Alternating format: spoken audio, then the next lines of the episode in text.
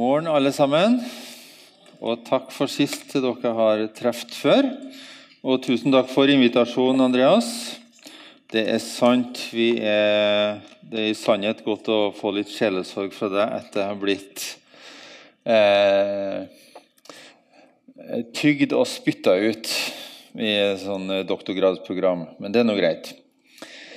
Ehm, jeg hadde jo egentlig tenkt jeg skulle si nei til alle taleforespørsler i høst. Og, men når andre har spurt, så eh, Nei, dette har jeg lyst til. Så takk for det, Andreas. Eh, og så tenkte jeg her har jeg jo en anledning til å si en stor takk til dere som sitter her. Eh, fordi at jeg har ei datter som eh, når hun gikk på videregående på Svithun, så kom hun i klassen med noen gutter fra Fredheim. Eh, bare gutter. eh, og de tok hun med på Zoomin, så hun var på Zoomin i tre år på fredagene her. Og hadde kjempeutbytte av det. Så jeg bare sier takk til dere som kanskje har vært ledere, eller er ledere, eller egentlig hele menigheten da, som er med å bære det det flotte arbeidet. Så det, det syns jeg var bra. Eh, takk, for, takk for det du sa om HLT, Andreas. Jeg kan nevne at etter jul så vil vi ha et helgakurs, et sånn kompetansekurs i, som heter Kirkens helbredende tjeneste, som vil gå noen fredager og lørdager, som, som jeg anbefaler å, å se litt på. Så Vi har en årsenhet i Misjon og kirke nå. Og hun kan ta bachelor i teologi og ledelse ved å ta noe i Stavanger og noe pendling til Oslo, og ha egentlig praksis i hjemmemenigheten hvis, hvis det er aktuelt. Så hvis dere kjenner noen som dere tenker det hadde vært aktuelt for, så eh, spre ordet. Takk skal dere ha. Eh, når jeg tenker på dere som eh, forsamling så tenker jeg her er en gjeng som er glad i Guds ord. Det er, det er i hvert fall den forestillingen jeg har før jeg, før jeg kommer. Eh, og når jeg satt og skulle forberede dette, så kjente jeg at det var åpent og godt. Så var, jeg kjente ingen motstand på det, på det, jeg hadde tenkt å si, så det, det er godt. Og Det bibelverset som jeg har tenkt på eh, til i dag, det står i, i eh, Johannes 10, 27, og det er et sånt minneord fra søndagsskolen. Eh, og Det er derfor det høres litt rart ut i den nye oversettelsen. Men det står altså 'Mine sauer hører min stemme. Jeg kjenner dem, og de følger meg'.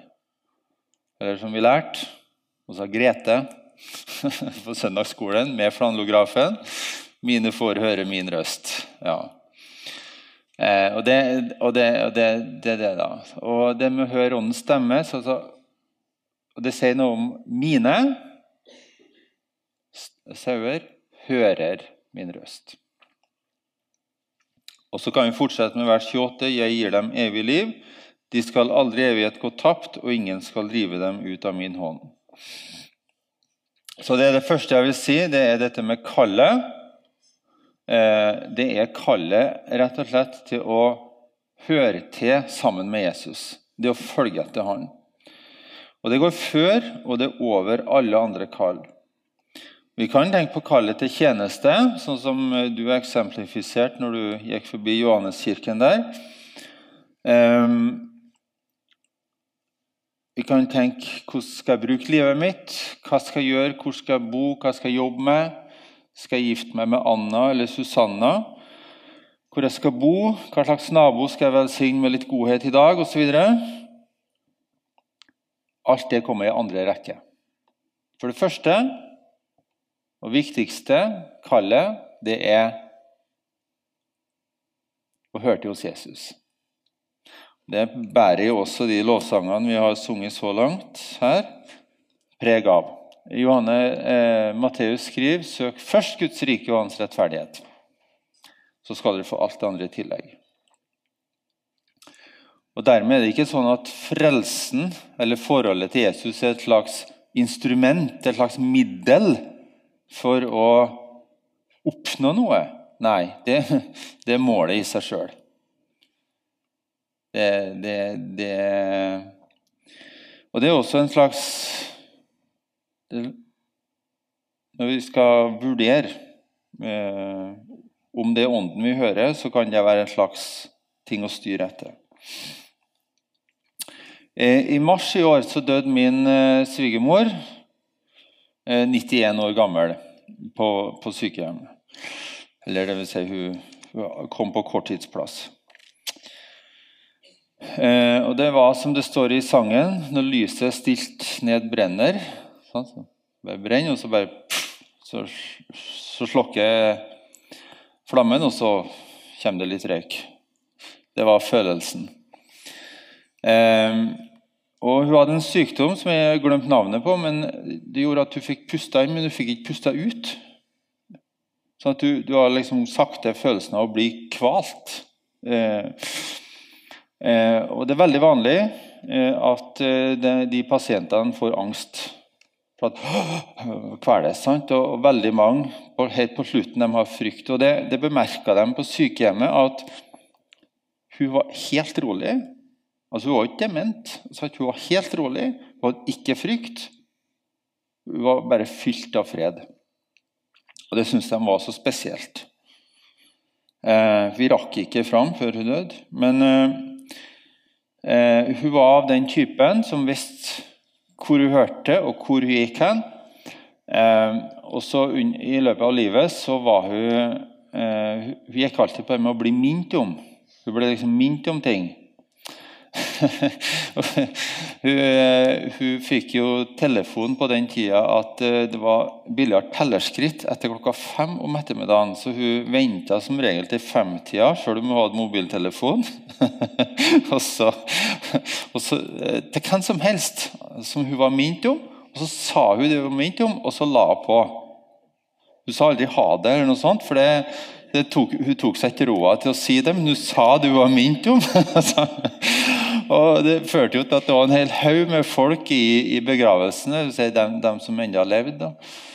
Eh, det er klart det er jo spesielt når overkant av 85 pluss i mye samværet, men, men, det var det. Og Jeg hadde jo nesten tenkt at når vi har vært gift, når vi var gift med dattera hennes over 25 år, så hadde jeg liksom tenkt at jeg kjenner alle.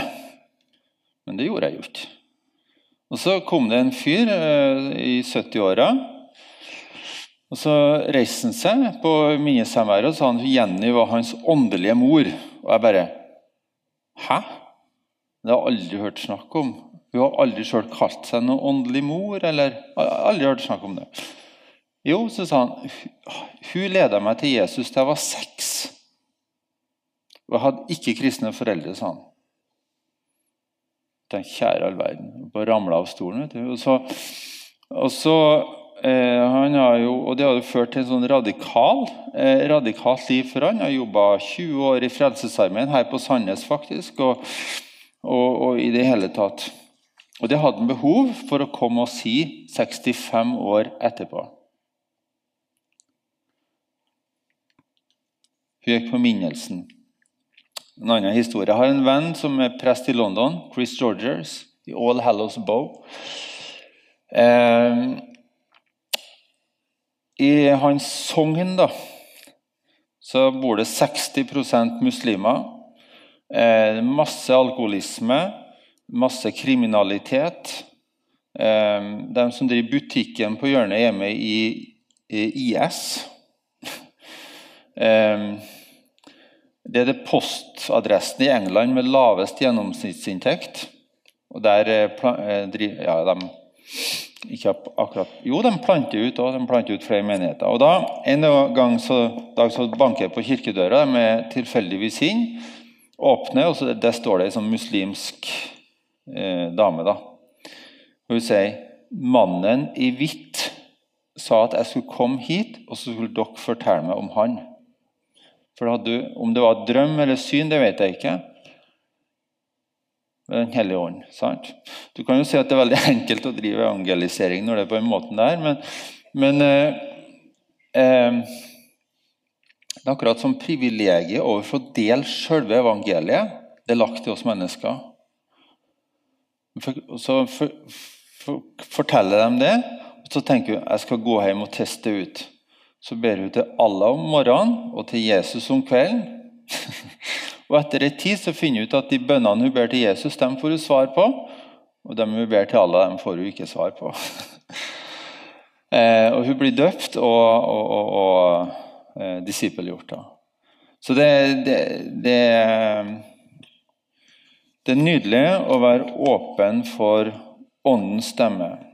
Og jeg er sikker på at hvis vi gikk rundt og intervjua dere, så dere som er her, så kunne vi få en bok av sånne vitnesbyrd om hvordan dere har kommet til tro, hvordan dere har tatt valg i livet, basert på det som er temaet i dag. Um, det er altså Jesus som utgangspunktet. Mine får høre min røst. Og Derfor er det en viktig del av det å skjelne Åndens stemmer stemme fra alle andre stemmer, det er høres ut som Jesus. Stemmer det med det jeg ellers vet om Jesus? Og Så kan du tenke på at Jesus blir jo kalt Ordet. ordet snakker hele tida. Så spørs om du klarer å stille inn på kanalen eh, for å finne, finne den stemmen, eller om det bare er støy. Eh, når Jesus gir løftet om Den hellige ånd, så kaller han Den hellige ånd for talsmannen, altså den andre talsmannen. Og det betyr jo at den første er Jesus sjøl. Og det står i Johannes 14.: Men den talsmannen, Den hellige ånd, som Far skal sende i mitt navn, skal lære dere alt og minne om alt jeg har sagt dere talsmann, som en sakfører, advokat, som taler vår sak til Gud og taler Guds sak overfor oss. Og Det betyr at Den hellige ånd kommer ikke med noe som er kvalitativt annerledes enn det Jesus har. Men det er bredere, lengre, høyere, dypere. Altså mer av det. For det står eh, eh, som Jesus sier. Jeg skal lese i Johannes 12, nei, unnskyld, Johannes 16, vers 12. Er dere med? Vink hvis dere er med. Ja, hei, hei. det står det. Eh, Ennå har jeg mye å si dere, men dere kan ikke bære det nå. Men når sannhetens ånd kommer, skal han veilede dere til hele sannheten. For han skal ikke tale ut fra seg selv, men si det han hører, og gjøre kjent for dere det som skal komme. Han skal herliggjøre meg, for han skal ta av det som er mitt, og forkynne det for dere. Eh, alt det som min far har, er mitt. Derfor sa jeg at han skal ta av det som er mitt, og forkynne av dere. Så det tenker jeg er en sånn veldig viktig ting når vi skjelner. Hva slags lyd er det jeg hører? Høres det ut som Jesus? Ok, da går vi. Det var innledningen. Da er jeg tre punkt som jeg tenkte å ta. Det ene er hvordan hører vi Åndens stemme? Hvordan vurderer vi det? Og eh, hva skal vi gjøre med det? så Husker det, så, så, er det jo veldig fint. da. Eh, hvordan hører vi Åndens stemme? Ja, jeg har jo tatt utgangspunkt i Jesus. Eh, og Jesus blir vi jo kjent med gjennom eh, altså Bibelen, gjennom Skriften, Guds ord, men også gjennom bønn og tilbedelse. Så har vi det vi kaller for åndens fylde og nådegavene. Vi tror at Hånden taler til oss gjennom fellesskapet, gjennom andre kristne, men også i stillheten. Ånden leder oss gjennom ytre omstendigheter, det vi kaller for åpne og stengte dører. Vi får innskytelser, påminnelser, profetier og hva du får fred for, eventuelt uro. eh, og så tror jeg Ånden vil lede oss dit vi kan vokse i tro og i avhengighet til Jesus. Har jeg fått med alt, da? Nei, sikkert ikke. Eh, først vil jeg si litt om, om Skriften og bruk av, av, Bibelen. Og Håper du har en daglig rutine på det. Eh, for at, eh, Det gjør det lettere å kjenne igjen, og så kan jo Ånden bruke det du har på en måte lagra opp. Når pandemien var her, så meldte jeg meg på Bibelen på ett år og hørte den, og hørt og lest. Og det gikk sånn noenlunde greit helt til det begynte å bli travelt igjen, så nå er jeg over en måned på etterskudd. Det var enda verre, men, men, men, jeg har tatt noen jafs eh, på det. Eh, og så har jeg funnet ut jeg, eh, Det er jo bare et kvarter til dagen, sant? Så det, det er jo ikke så mye å snakke om, egentlig. Men eh, nå har jeg funnet ut jeg har funnet en app da, til jeg kan høre det. Så jeg hører det hvis jeg gjør husarbeid eller kjører bil eller, eller sånne ting.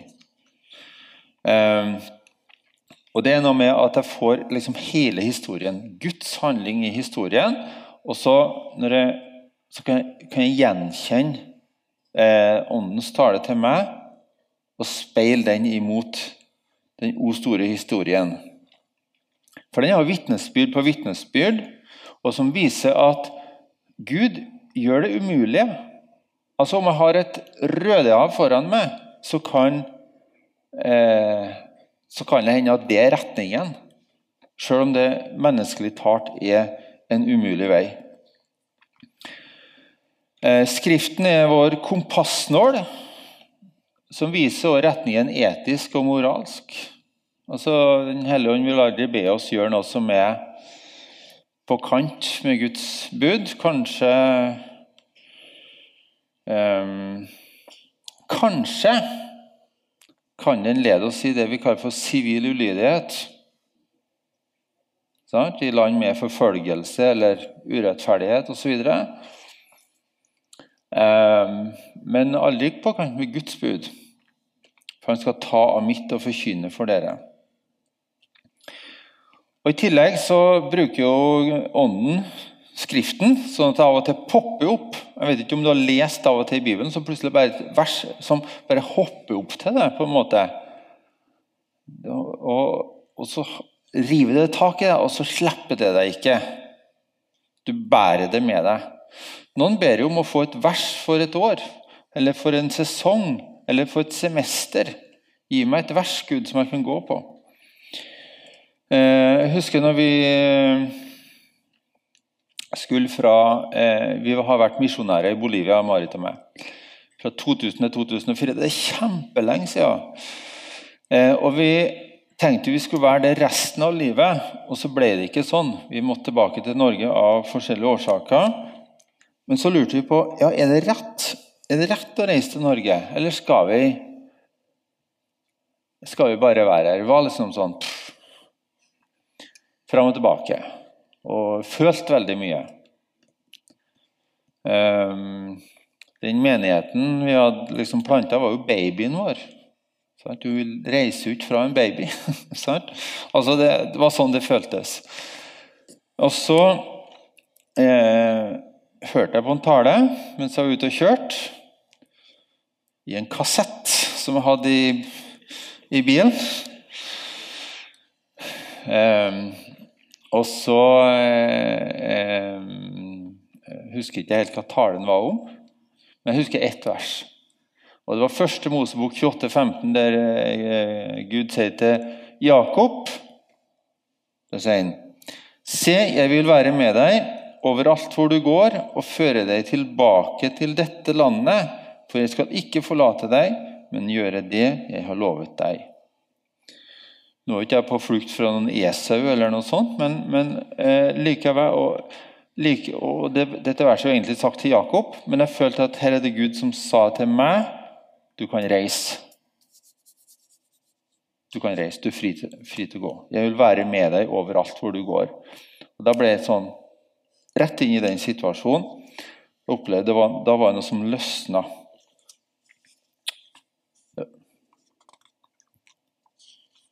Beklager.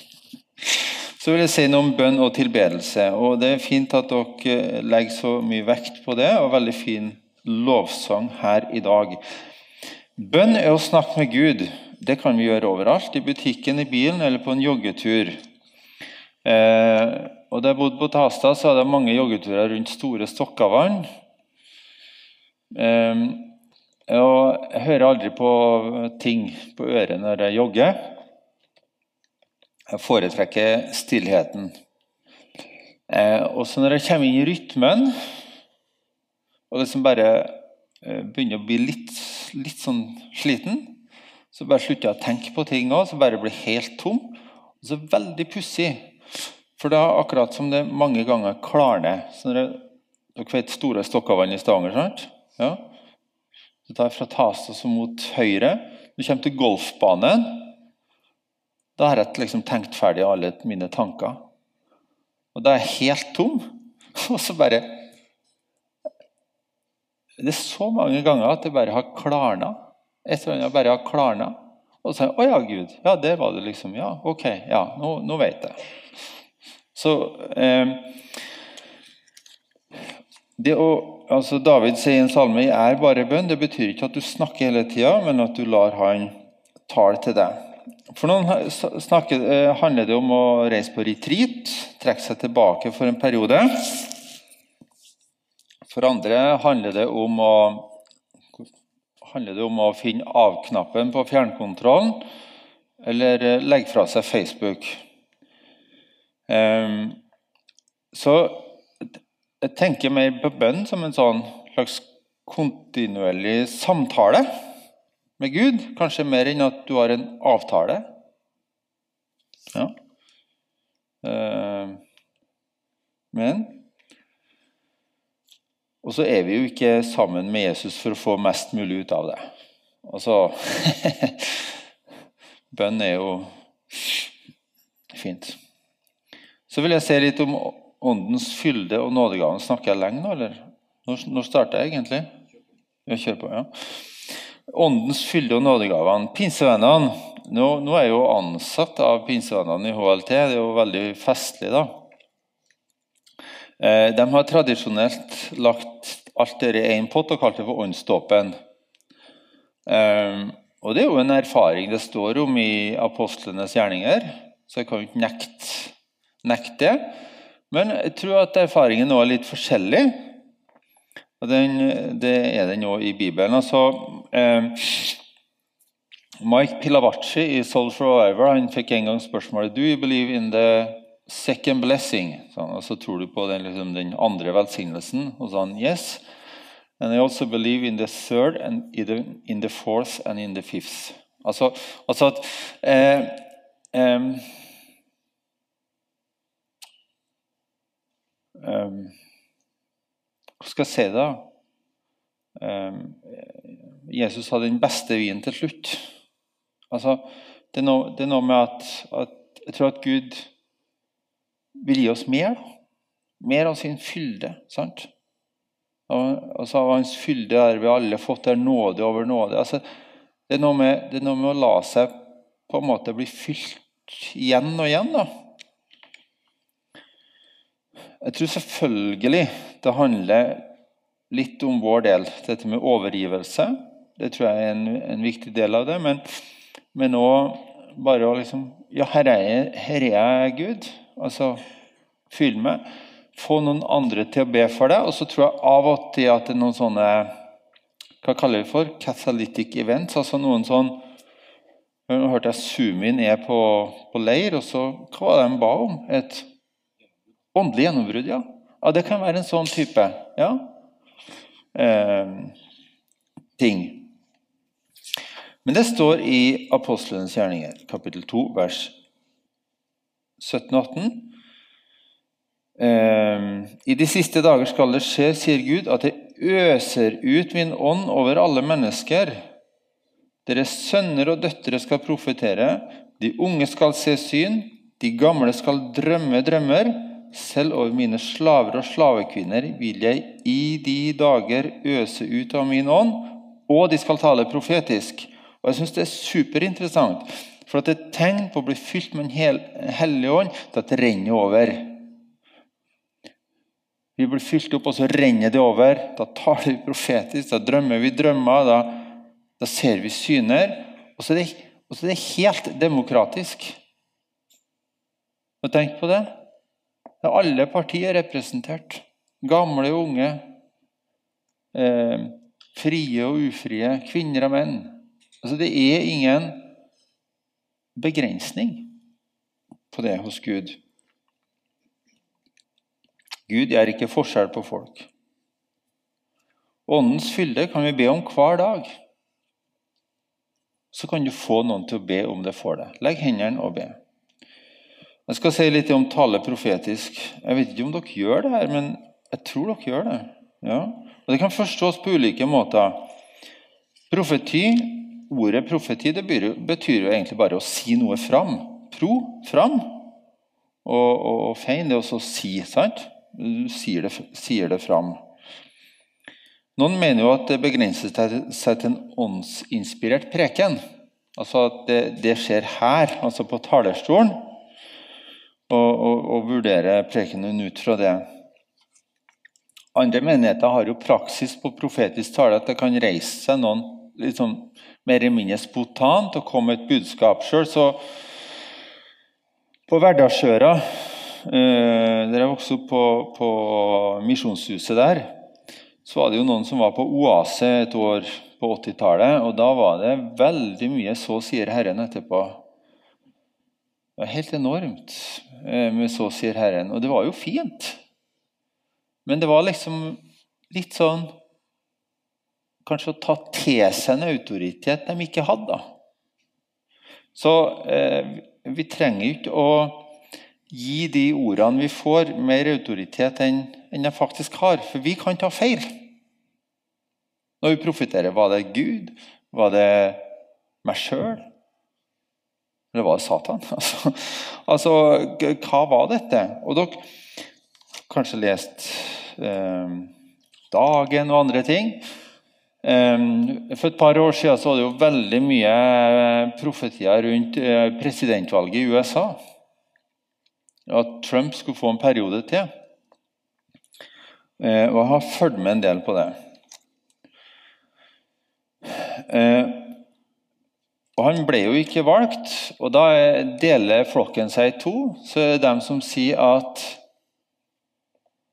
um, vi tok feil. Vi profeterte, men vi tok feil. Og så tar de ansvar for det, ber om tilgivelse og kanskje tar en liten pause. Og så er det andre som sier nei, vi hadde rett, men valget var rigga. De tar liksom ikke feil uansett. Og sånne folk er det veldig vanskelig å snakke med. Ja. Altså bare tenk i et ekteskap. Veldig vanskelig å være gift med noen som aldri tar feil. Altså. Og det er veldig vanskelig å være i et fellesskap i en menighet med noen som aldri tar feil. Så er verden så heldig du er, som aldri tar feil. Ja. Er det plass til meg her? Altså, altså Nei. Eh, vi trenger ikke å jekke opp vår egen åndelighet. Vi kan, vi kan jekke den ned. Altså John Wimber uh, han sa det sånn Either it was me or I had uh, Was, altså, enten var det han, eller så var det noe han hadde til lunsj og sa at han var litt uggen i magen. Altså, så, så han, eh, det kan den som hører, kan vurdere om det var fra Gud. Og Hvis det ikke er fra Gud, så bare la det passere. Skrevne profetier. Personlige profetier forskjellige ting. I tillegg så har vi andre åpenbaringsgaver, som f.eks. kunnskapsord, visdomstale, tungetale med tydning. Og jeg tenker litt om nådegavene. Det er ikke noe jeg eier. Det er kanskje noe jeg disponerer på vegne av menigheten, men det er ment til bruk i fellesskapet. Så kan andre bedømme din bruk av dem, og så kan det være en slags gjensidig forventning at vi får tilbakemelding, og så har vi litt lave skuldre, og så tester vi litt ut det med nådegaver. Hvordan får vi et profetisk ord, da? Eller hvordan hører vi Åndens stemme? Og det tenker jeg Det kommer litt an på hvem du er, faktisk. Eh, hvordan er din prat med Jesus sånn til vanlig? Hvordan er det du og han snakker sammen? Det er virkelig ingen fasit her. Eh, og jeg tror at det handler om å være oppmerksom på Den hellige ånd. I åpenbaringsboken står det at den som har ører, hør hva Ånden sier til menigheten. ja, det handler om oppmerksomhet, da. Leif Hetland sier at Den hellige ånd er som en due. Det står forresten om i Bibelen. Men hvis den dua, du skal ha dua til å lande på skuldra di Hvis du har en due som lander på skuldra di, og du ønsker at den skal være der, hvordan beveger du deg da? Og da beveger du deg litt rolig. Sant? Du er litt oppmerksom. Og jeg tror det handler litt om det. Det handler litt om stillheten. Eh, et eksempel kan jo være en innskytelse vi får, noe vi aldri har tenkt på. Um, når vi ber, Det kan være så enkelt som at når vi ber, så er den første tanken du kommer fra. Du, du, du får. Hvis jeg, hvis jeg, ber for Andreas nå, og legger hånda på, så kan det være den første tanken jeg får ah, Kanskje når jeg skal dele til han. Kanskje når jeg skal be ut. Eh, for min del handla det veldig mange år om bibelvers. Når jeg ba for folk, så fikk jeg bibelvers. Nå har jeg bevega meg litt mer over i det visuelle. Så jeg liksom ser for meg et slags scene eller bilde. Eh, så kan jeg bare spørre Gud Gud, hva tenker du om den personen jeg ber for. Bare gå inn i en sånn dialog. Eh, andre folk får lukt eh, som ikke er der, da. Smaker. Eh, altså det, det, akkurat som Gud bruker hele sanseapparatet på en måte gi eh, eh, inntrykk, eller kunnskapsord. At du plutselig får vondt i et kne som du vanligvis ikke har. Ja, er noen her som er syk og har vondt i kneet, f.eks. Eh, jeg har også snakka med folk som hører Si de har hørt Guds stemme altså med, med lyd. Altså Guds hørbare stemme. Og så tenker jeg på en måte, er vi, er vi langt inne i psykiatrien nå, eller hvordan er det her? Men så er det at ellers så er jo de folkene helt eh, normale og møblert. De dissosierer jo ikke i hele tatt. De er jo helt ved sine fulle fem. Så kanskje er det noe der. Så Da er vi over eh, på det andre punktet, nemlig det med å vurdere eh, et profetisk ord. Og Det er veldig interessant. Eh, jeg tror jeg bare refererer til, men I Matteus 7 eh, så snakker Jesus om de falske profeter. Og På en måte skulle du tenke at Jesus da kanskje sa at alle som profeterer, tar feil. For at profeti skal ikke være lenger. Men når han lærer oss å skjelne mellom de falske og de sanne, så tenker jeg det må bety at det er fortsatt rom for å profetere.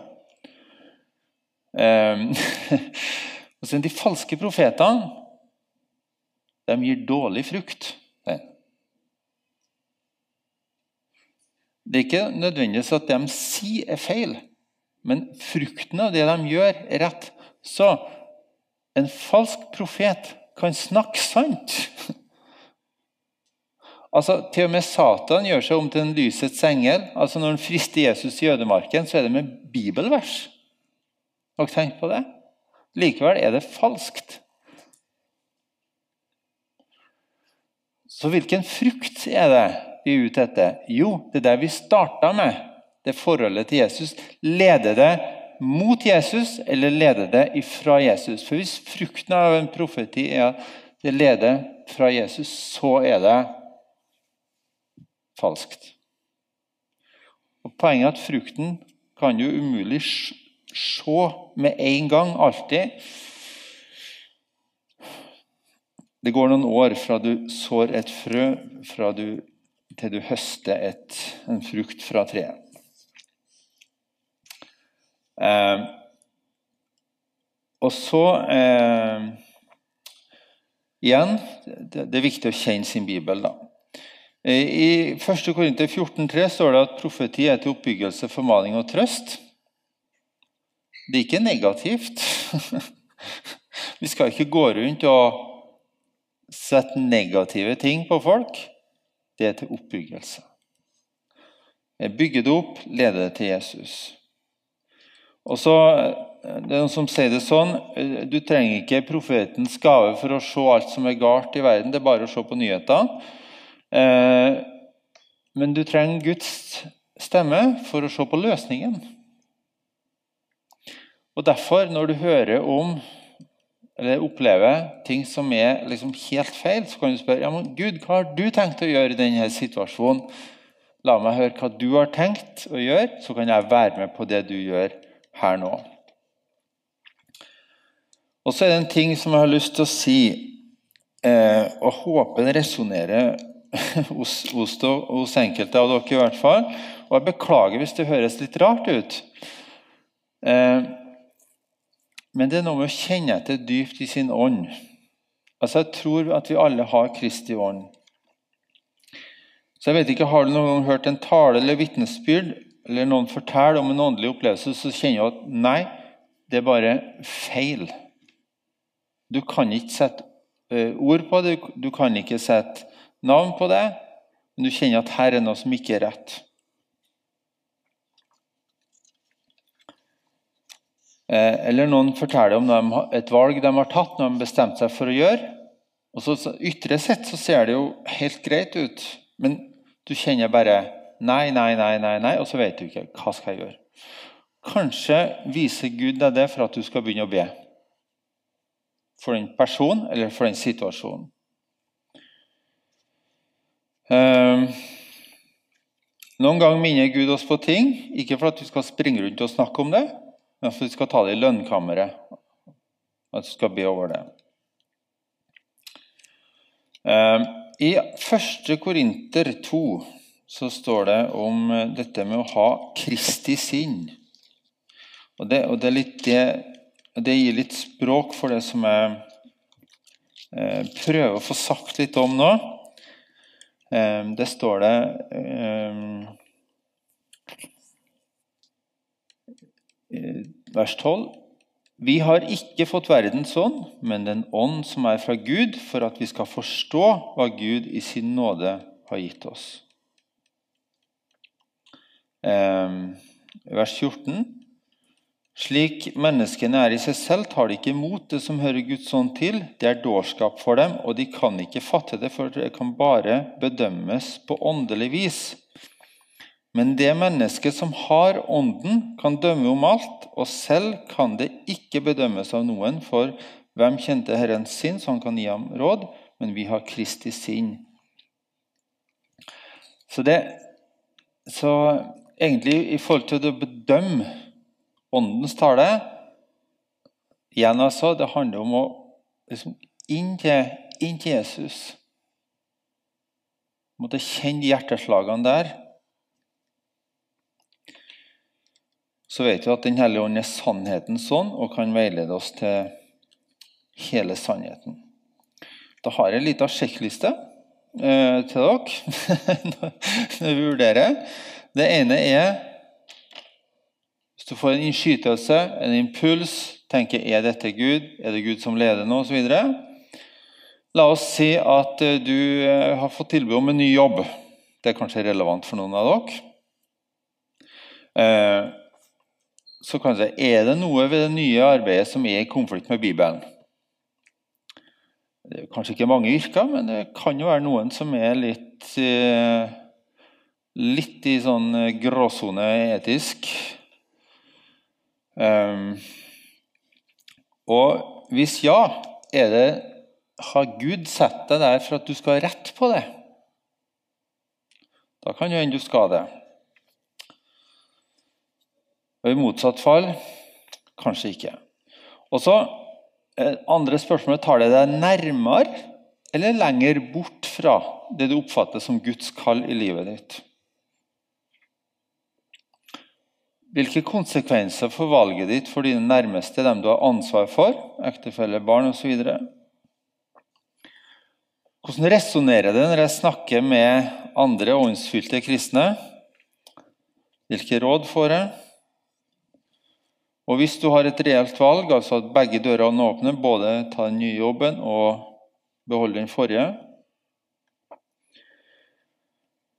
Og hvis alt eh, bare klikker på plass, og du har to eller flere muligheter, så har jeg en eh, ting som eh, kanskje eh, kan hjelpe oss å styre. Det er Vil det ta meg ut på et dypere vann med Jesus? Og så Vil jeg være mer avhengig av Jesus, og vil det utfordre min tro? Gir det meg mulighet til å vokse i min relasjon med Jesus? Så Jeg snakker ikke om nødvendigvis om kristne jobber her, eller i kristne organisasjoner. Det kan like så godt være i det offentlige eller i næringslivet. Eh, og så er det jo ikke alltid det som det å skifte beite, altså eh, gresset grønne på andre sida av gjerdet og sånn. Det kan jo hende at det krever mer tro også å være på et beite som er helt nedbeita. Eh, hvis, det er, hvis, det er, det som er Guds kall i livet. Nå er det to minutter igjen. Veldig bra. Eh, så til slutt så vil jeg da eh, minne om Peter. Apostelen Peter, når han var i båten hos Jesus, så han eh, Jesus kom gående på vannet. Og så eh, sa han, 'Er det du, så gi meg et ord, så skal jeg komme til deg på vannet.' Jeg tror jeg, skal, jeg tror jeg skal avslutte med å lese det. Det står i Matteus 14. Herre, er det deg, så si at jeg skal komme til deg på vannet. Kom, sa Jesus, og Peter steg ut av båten og gikk på vannet bort til Jesus. Ja. Skal vi be til slutt? Jesus, jeg takker deg at du er ordet som taler til oss. Og nå må du hjelpe oss sånn at vi hører fra deg. Så må du gi oss mot til å handle på de tingene som eh, du sier til oss. At du velsigne denne menigheten, og velsigne alle som hører på, i ditt navn.